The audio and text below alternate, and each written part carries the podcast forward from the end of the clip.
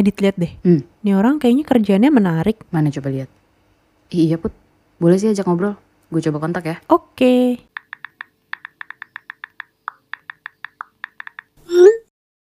Halo, halo. Kembali lagi sama kita, Putri dan Diti, host kalian di podcast Lagi Ngapain. Di sini kita akan ngajakin kalian semua untuk dengerin cerita menarik dari berbagai macam profesi, dari berbagai macam orang. Pengen tahu sedikit background Bang Evan. Eh, Tadi gue nyeritain dikit, cuma mungkin lo pengen eh, nambahin sedikit detail-detail dulu perjalanan hidup lo sebelum membuka bisnis. Siapa sih. Cibon dulu? Eh, pendek aja ya berarti Iya. ya berarti ya kan Biasanya Eh. kalau udah gini jadi panjang guys. Nggak, memang gitu tapi nggak ini pendek aja sih jadi gua itu TK di daerah Pamulang namanya Setia, Setia Kawan iya kan TK lu juga Enggak, TK gue Puspa Indah. iya TK Setia Kawan namanya Puspa Indah. Puspa Indah Setia Kawan di Pamulang Oke. lu nggak tahu kan Puspa Indah gue tahu Oke, ya. udah Yaudah. kita deal di Puspa Indah. Oke. Terus. Satu TK tapi beda nama. Mungkin dia ganti manajemen gitu. Jadi Puspa Indah terus eh, Cerita masa kecil Bang Evan kita simpen dulu ya, biar kamu bisa baca sendiri kalau biografinya udah terbit nanti. akhirnya gue tes binus dan ya itu tadi aksi tadi gaya-gayaan aja supaya banyak aksi aja gelar ganda gelar ganda Eh, akuntansi ya. sistem informasi Tapi ya, Diti dan Bang Evan tuh dua-duanya sama-sama bercita-cita menjadi akuntan berarti. Karena Bang Evan kuliahnya mau jadi akuntan, Diti pas kecil mau jadi akuntan juga. Ini berarti pengaruh dari Tante Eli. Hai Tante Eli, cukup besar dalam kehidupan karir Diti dan Bang gue Evan. dulu pas TK Atau Cibon. eh, pengen jadi akuntan, gue inget banget. Oh, Soalnya dulu oke. ngefans sama mama. Tapi lo kayaknya masuk aksi bukan karena pengen jadi akuntan ya? jadi gue sebenarnya terjebak jadi gue kebetulan IPS emang di SMA-nya tadi Eh, dan gue tuh lum- lumayan aktif buat ya itu tadi Olimpiade tadi kan. Dan gue tuh tim Olimpiade akuntansi sama komputer. Kelas Hmm. satunya tuh komputer kelas 2 kelas 3 nya karena gue IPS gue milih untuk eh, di akuntansi. Itu kayak lu digodok harian kan? Maksudnya mau nggak mau lu jadi cinta sendiri kan dengan akuntansi ngerti nggak? Hmm.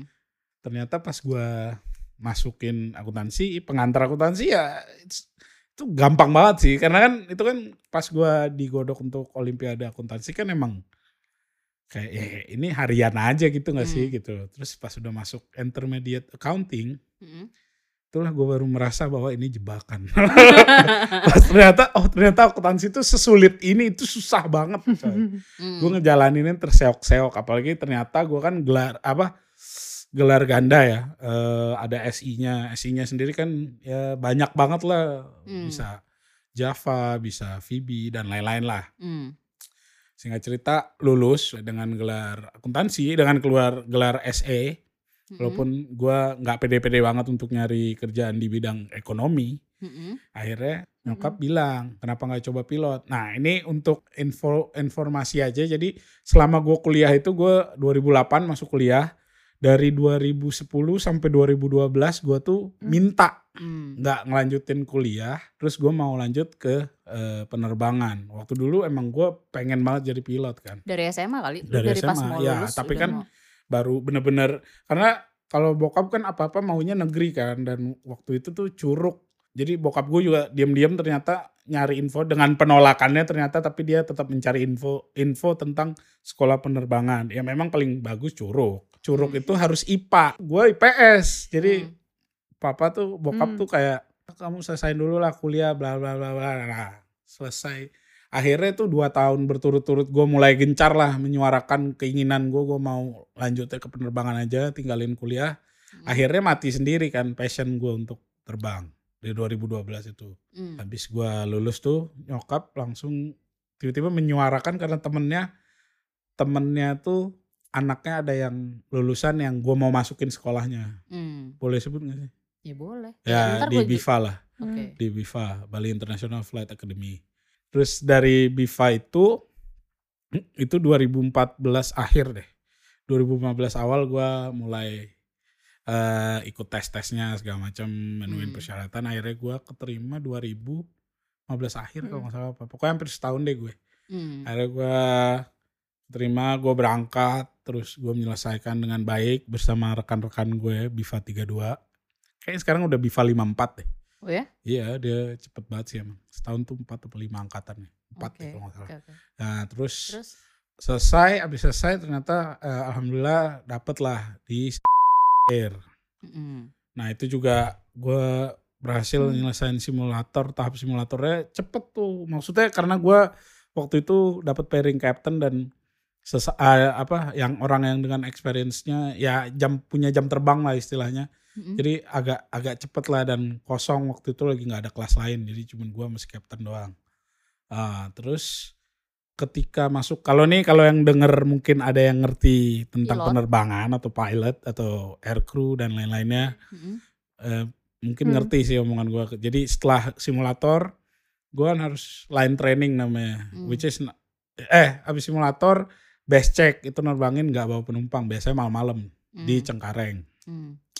Itu juga alhamdulillah lolos, Mm-mm. udah pass, terus mulai ke line training. Mm. Jadi sebelum itu pas banget sebelum gue mulai line training, gue harus ngadep ke balai kesehatan penerbang Mm. karena license medik medik medik medical medical license gue Hmm. habis. Mm. Jadi gue harus eh, check up. Nah ternyata gue tuh Hmm. iseng aja maksudnya gue lolos lolos lolos lolos apa apa Hmm. lolos walaupun kolesterol gue tinggi, asam urat gue tinggi. Nah gue tuh iseng ngomong ke dokter dok kalau emang saya ada yang Nggak benar. limit di atas limit ya udah jangan dilulusin. Gue Hmm. soto ngomong gitu.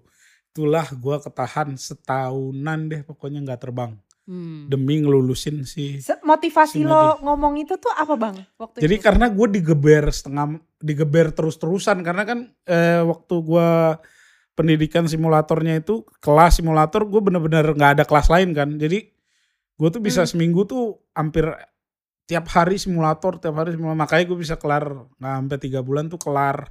Jadi tuh gue pengen kayak ah istirahat lah kan gue juga udah nggak si captain yang bareng gue udah nggak tergantung sama gue dia terbang terbang sendiri aja gue udah sendiri kan jadi gue rasa ya udah gue take a break dulu kayak sebulan gitu gitu kan Hmm. ternyata jadi perkara yang hampir setahun hampir setahun lah setahun Hmm. lah Hmm. akhirnya gue mengupayakan segala-galanya akhirnya keluarlah license medical gue Mm-mm. lalu gue lanjut untuk eh, kembali melangit kembali terbang Mm-mm. karena ketahannya setahun itu gue ada kepotong nikah kan Lupa ingatan deh. enggak kalau itu enggak karena gue kan pasti ada ada ada simulator dulu sebelum gue line training kan di Hmm. simulator itu gue deh digembleng lagi udah udah Hmm. udah oke lagi lah namanya tinggal nge-recall kan terus di Potong tengah nikah. itu kan tapi kan di di setahun itu gue ada ada nikah kan Hmm. yang which is sebenarnya gue eh, mikir wah udah enak nih nikah nggak kepikiran pacaran lagi nggak kepikiran kapan gue harus ngapel kapan gue ya udah istri nunggu di rumah aja gue terbang gitu kan Hmm. itu pikiran yang ternyata salah Sempit.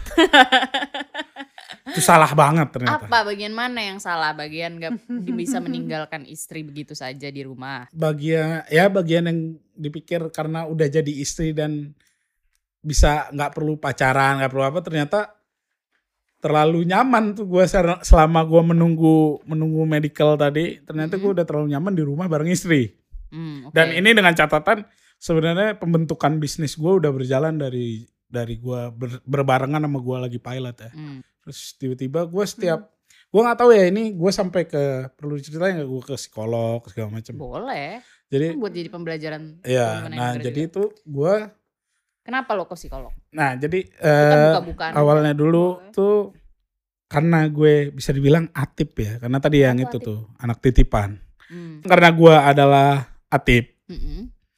eh gue tuh dapetnya jadwalnya enak bisa dibilang enak kan senior senior tuh sama Hmm. teman-teman gue yang juga terbang tuh enak karena gue cuman eh sini Cengkareng Lampung Cengkareng Jambi Cengkareng pulang nggak ada Hmm. yang istilahnya ngeron yang yang nginep gitu gue terbang pasti pulang Hmm. VV vice versa sini Lampung sini Pontianak pulang gitu Hmm. nggak ada yang gue nginep nah tiba-tiba mulai serius kan gue line trainingnya tuh Hmm. jadi gue dapet lah harus nginep di ujung pandang Hmm. itu kon- kondisinya posisinya ketika gue dapet schedule Mm-mm. itu gue habis nonton di PS sama Hmm. istri kan sama Hmm. Tasya habis gue nonton gue baca baca jadwal tiba pusing coy radang akhirnya wah ini gue butuh ke dokter deh kayaknya tiba-tiba nggak enak Hmm. banget tenggorokan gue gue ke biasa proklamasi lah THT mana lagi ya kan gue ke proklamasi Hmm. ternyata setelah Hmm. diperiksa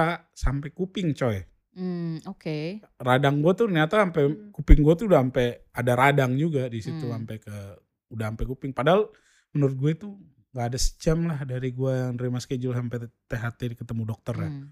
akhirnya gue dapet surat Hmm. dokter gue nggak jadi ngeron Mm-mm. Eh, tiga hari kemudian gue dapet terbang lagi itu VV lagi Hmm. terbang gue sehat-sehat aja nggak ada masalah aja. gue Hmm. terus Emang tiba-tiba tubuh lo aja yang menolak disuruh nginep mungkin kayaknya. mungkin nah terus juga nggak lama dari situ gue dapet Hmm. jadwal ngeron lagi ujung pandang lagi kalau nggak salah Hmm. ujung pandang deh apa Hmm. Jogja Iya. kayak ujung pandang kalau nggak salah gue langsung yang kalau lu pada tahu nih para yang ngedenger tahu namanya tuh ternyata itu pun gue tahu setelah eh gue sakit yang ini Hmm. jadi namanya cluster Oh, oke. nah itu tuh kok sama kita? ya karena ternyata ini adalah Apa? Turunan. Sakit apa? Cluster, cluster. Cluster tuh jadi itu em, kayak migrain tapi dia di belakang migrain. mata. Iya. dan itu nggak kepegang lo mau pijit-pijit nggak kepegang rasanya Hmm. kayak lo mau congkel aja mata Iya, lo iya, benar. saking sakitnya Lo juga. Kayak- iya Kiki Iya. juga Oh iya. iya jadi Gue eh, pertama ngalamin itu sampai muntah-muntah. Sampai Pol, gue punya itu udah kayak lu kayak muntaber jadi sampai mencret Gua bisa sampai kayak gitu gue nggak ngerti karena kepala kali ya Hah. sotoy aja gue di MR di MRI ya apa sih di MRI itu sampai dua kali kayaknya. Ada yang apa sih gue nggak ngerti. Pokoknya ada yang Hmm. masuk si MRI si- ada yang masuk si kontras kontras si iya sampai di kontras juga. Jadi eh, sampai jadi MRI biasa abis itu di kontras abis itu yang terakhir tuh ini eh, kayak so dok di dah, ada dokter ahli saraf Hmm. di rumah sakit. Ah, itu dia eh, kayak dokter punya gitu. kayaknya sih pokoknya dia yang punya sistem perhitungan sendiri Iya, iya, buat know. ngitung migrain karena gue nggak gejalanya kayak migrain kan Hmm. terus sampai sampai kayak dipasang ditempel-tempelin Oh, alat iya, ukur iya. di Iya, leher iya. di apa terus harus nafas segala macam Iya, dan gue iya. lagi radang jadi kayak harus nahan nafas kan tuh pas lagi kayak gitu ada mekanisme tahan nafasnya gue batuk terus dia sampai marah gitu sama gue kamu nahan nafas aja dong ini tuh sistem susah enak I see, I see. ini kita jadi mesti ngulang lagi dari awal eh kita kesebut nama dokter deh sensor ya dok terus habis itu, ya udah kayak akhirnya dia bilang kamu tuh sakitnya kayak gini ya dikasih gambar gitu ya Ah. itu cluster namanya Nah iya, nah itu duluan lo taunya kebetulan. gitu? Lo udah pernah ngomong, cuman gua abai karena gua ngerasa kayak bukan deh gitu. Hmm, Nah terus Hmm. gua lari ke Medistra. hmm, Pokoknya ini kejadian ada tiga kali kayak gini. hmm, Setiap ngeron gue pasti kayak gini. hmm, Terus gue lari ke Medistra, oh ini cuman capean. hmm. Oh ini cuman capean. Hmm. Terus abis di Medistra itu pertama kecapean dibilang namanya eh migraine with aura. iya benar Si- Iya iya kan? benar Iya Heeh, kan? heeh. Karena kalau gue mau kambuh itu terang dulu kalau lo terang kan Nah. auranya, kalau gue semutan. Jadi kalau gue oh, oke eh, mau kambuhnya, biasanya gue tiba-tiba kebas sampai yang mati rasa kayak kalau gue ngeliat tangan tangan gue tuh kayak ini kayak bukan tangan gue karena bener-bener gue nggak ada ngerasa nggak ngerasa sama Oh. sekali tangan gue itu. Terus eh kalau gue kebasnya tangan kiri Mm-mm. itu klasternya di belakang Di kanan. mata kanan. Hmm. Kalau kebasnya tangan kanan ya vice versa ya balikannya. Ya kayak gitu. Terus gue pikir wah migrain with aura doang nih Hmm. langsung lah gue minta surat dokter gue ajuin ke kantor oke di proof gitu lagi coy gue dikasih jadwal pendek lagi terbang lagi Hmm. besok eh ngeron lagi gitu lagi Hmm. akhirnya gue eh, kembali ke medis, medisra dengan dokter yang berbeda dibilang sama itu itu migrain with aura Hmm. sampai terakhirnya gue udah nggak bisa terbang gue akhirnya ya karena bokap nanya terus kan gimana bang terbang gimana bang terbang akhirnya gue ngomong kan gue belum terbang lagi kenapa karena ini ada gangguan ini gue takut Hmm. gue ketika di atas gue kambuh Hmm. nah akhirnya eh eh, apa namanya akhirnya dikasih lah jadi bok papa tuh nyari eh apa namanya nyarilah rekan-rekannya siapa tahu ada yang kenalan yang profesor-profesor atau dokter-dokter yang oke Mm-mm. akhirnya eh direkomendasiin ke pusat otak nasional PON itu di Hmm. Cawang Hmm.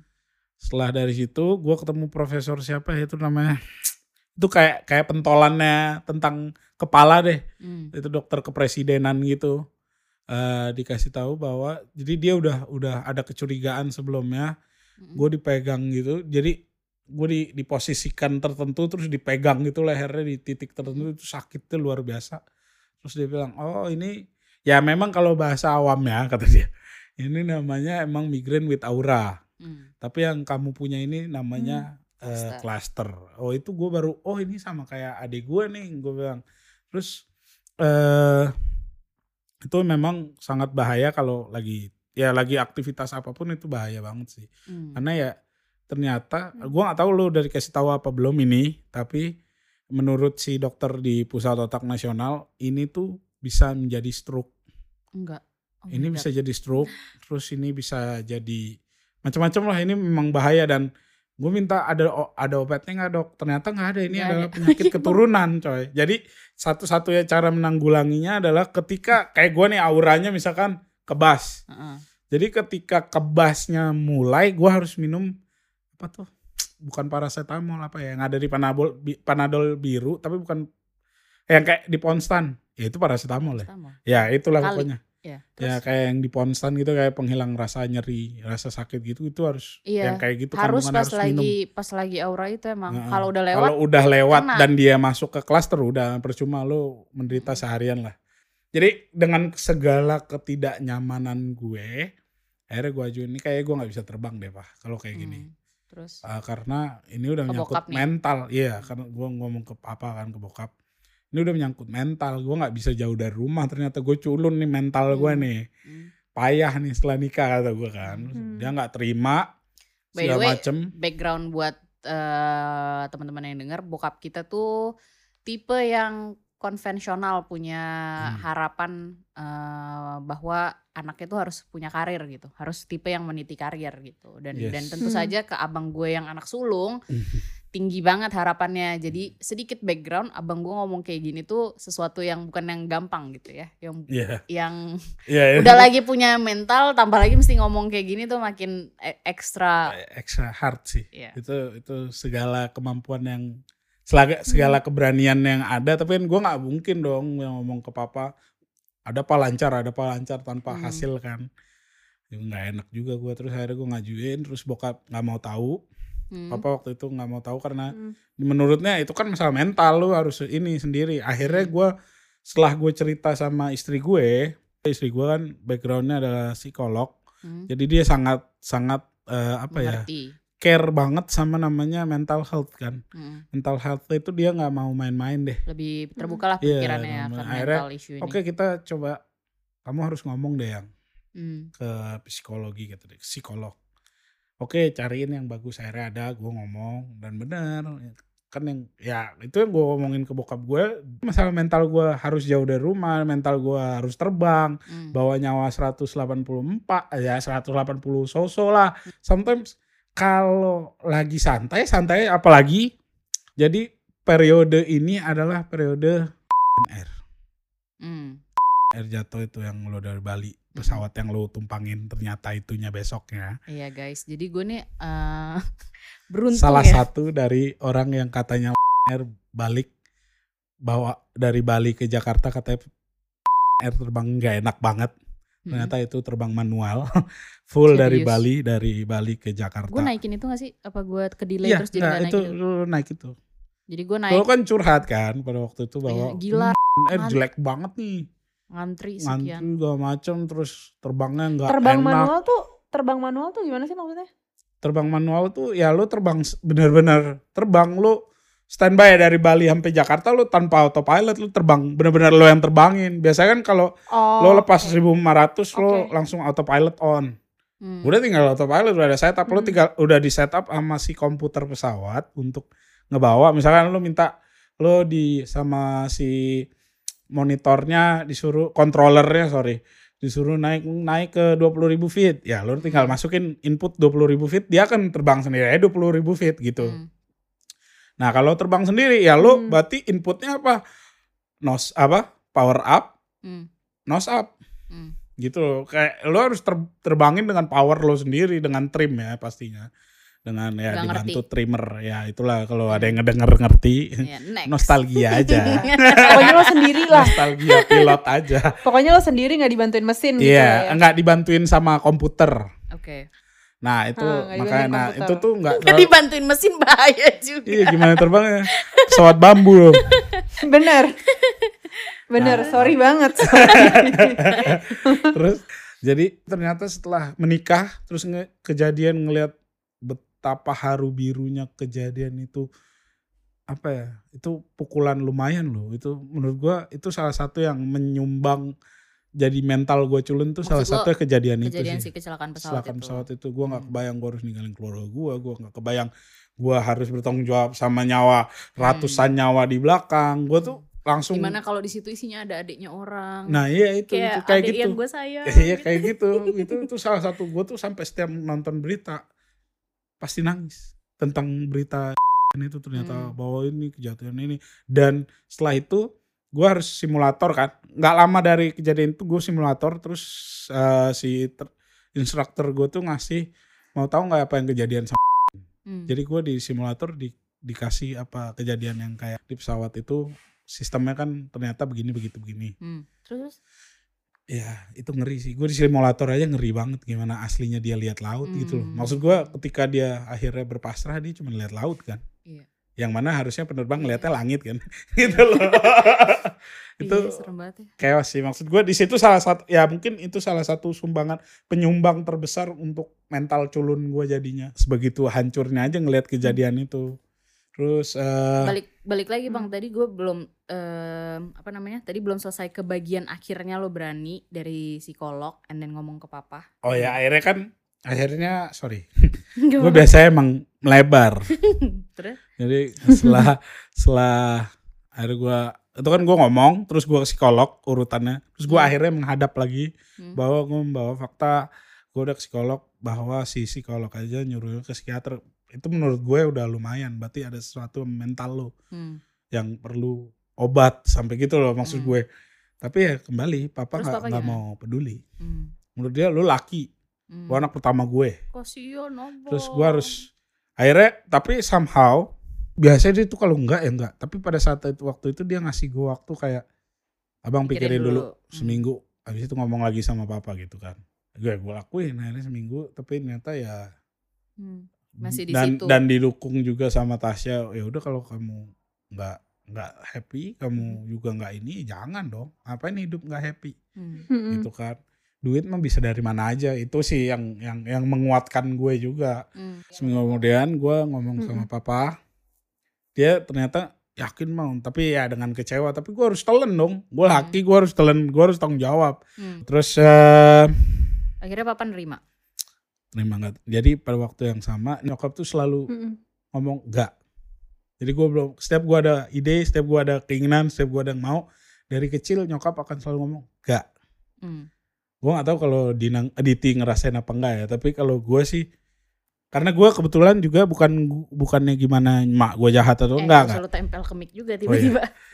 bukan karena nyokap gue jahat atau gimana gimana sebagai ibu juga enggak karena emang gue dari kecil emang udah BM aja orangnya jadi Hmm. ya udah enggak aja pokoknya lu jalanin apa yang udah di setup dari awal kita sepakati gitu kalau tengah-tengah gue ada mau ya enggak aja dulu Hmm. walaupun biasanya dia enggaknya dia pun dia mikir sih maksudnya dia mikirin kan nah dimulai dari gue kekacauan kuliah gue ternyata nyokap gue itu menurut gue yang gue bakal dihabisin sama mama tuh sama nyokap justru gue kan takutnya kan bakal Justru- gimana lah dia. Justru di situ poin di situ titik gue ngerasa oh nyokap gue Hmm. sekarang tuh menjadi nyokap sesungguhnya dia tuh bener-bener ada di di situ gitu loh. ada buat, Buat gue yang gue pun dengan segala macam yang ada yang masalah yang gue hadapi tuh sehancur itu dan nyokap tuh ada di situ gitu dan termasuk di pilot ini kan juga gue gue pikir gue cuman punya istri gue doang yang ada di pihak gue ternyata enggak. Jadi nyokap gue tuh diam-diam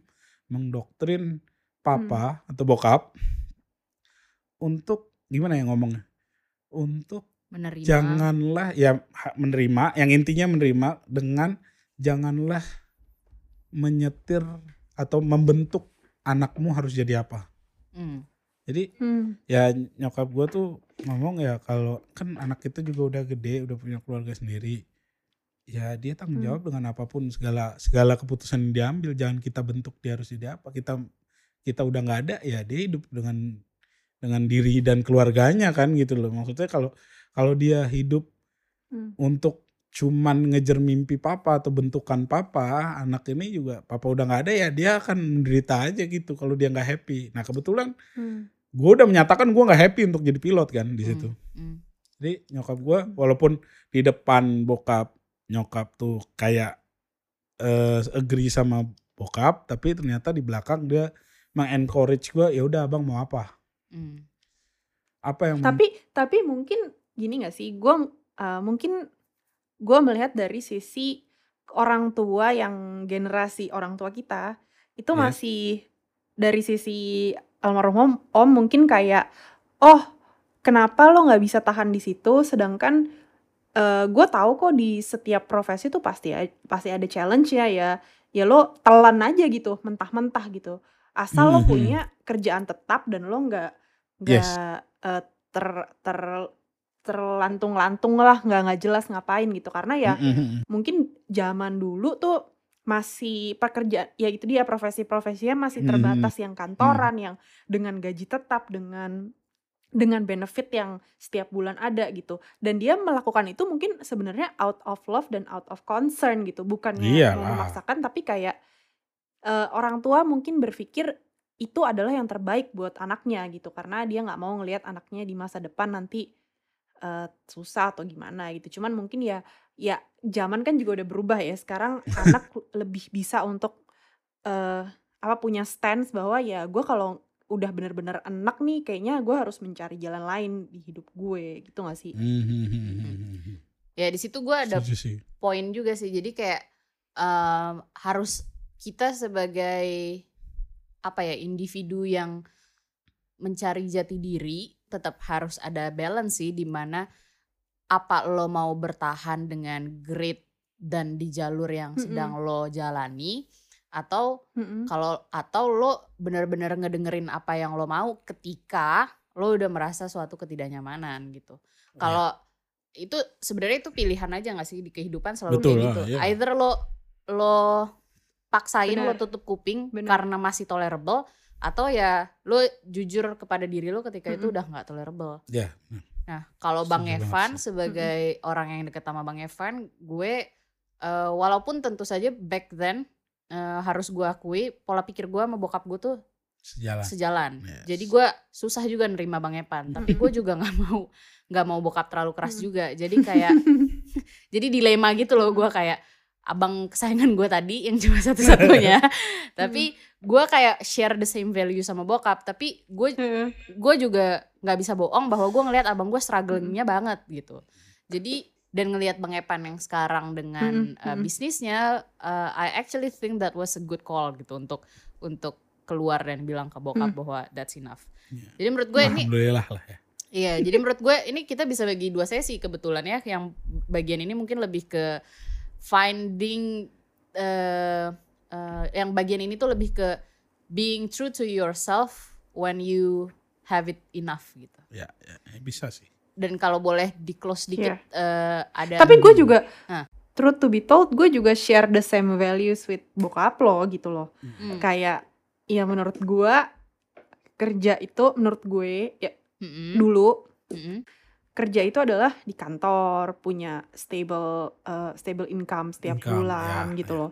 Mungkin karena gue orangnya insecure juga, jadi gue gue tidak akan berani mengambil langkah seperti Bang Evan, jujur. mm. Kenapa? Karena gue orangnya insecure. Gue kayak, eh kalau misalnya gue let go of this job that I have now, yang mana income-nya bagus dan segala macam, Mm-mm. apakah nanti ke depannya gue bisa hidup ya? Singkatnya kayak gitu Iya, aja iya, sih. iya. Hmm. Paham, paham, insecure, paham. insecure aja. Cuman makanya gue gue salut sama orang yang eh, berani untuk oh ya udah nih, gue udah bener-bener nggak bisa, gue udah bener bener-bener enak nih kayak ya udahlah, mungkin gue harus cari hal lain yang yang gue suka kerjain gitu. dan dua-dua Hmm. pilihan itu nggak salah kayak mau Ya, there is no true. ada Benar, no- benar, benar. yang yang yang pasti bukan yang ini lebih benar yang ini lebih salah ya tapi ya emang Ya, emang emang ini depends on bagaimana sebuah pribadi menyikapi hidupnya aja sih kayaknya. Iya, iya, iya benar. Dan ngikutin risk appetite-nya aja. Iya.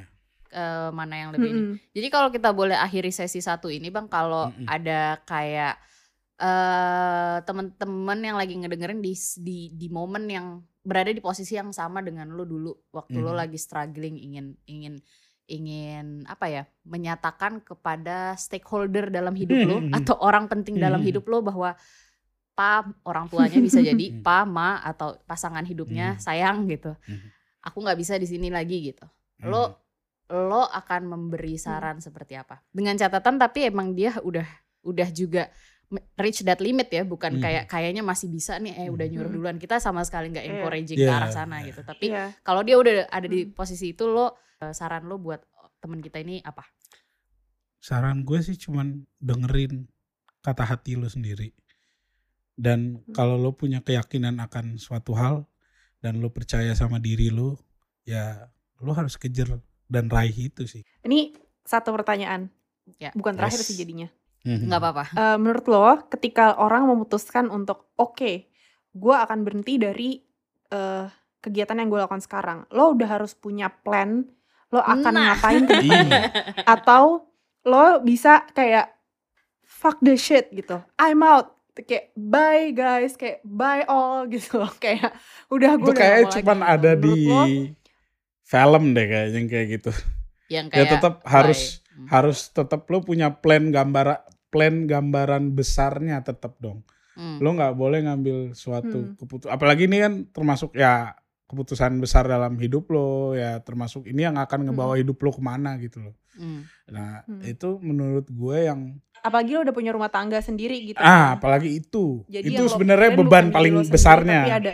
Mm-mm. Mm-mm. Kalau nggak ada ini lo tinggal lo cuman diri lo sendiri yang akan hidup sama lo. Hmm. ya itu sih ya ya yang pasti nggak sesulit kalau lo udah punya eh, buntut tanggung jawab ya maksudnya lo udah punya keluarga sendiri lo udah punya Mm-mm. apa itu pasti lo harus yang jelas lo harus mikirin matang-matang ya maksudnya kalaupun emang lo nggak ketahan tadi kayak pertanyaan Diti gue udah enough banget dengan keadaan gue sekarang ya tetap lo nggak bisa langsung cabut gitu aja sih kalau gue boleh ngomong ya maksudnya lo harus tetap punya gambaran besar juga lo harus punya backup plan backup plan untuk untuk rencana lo yang lo mau sudahi ini gitu loh Hmm. Jadi kalau boleh disimpulin, kalau ada teman-teman kita yang berada di Hmm. posisi yang sama, yang sama dengan lo dulu, ada dua. Yang satu, be true to yourself, Mhm. dengerin apa mau lo, tapi juga jangan terlalu eh, ngikutin perasaan. Ingat juga sisi otak atau lo. Impulsif. Ya, ingat juga sisi rasionalnya. betul Siapin backup plan Hmm. lo ketika Hmm. lo udah call this yes off. of course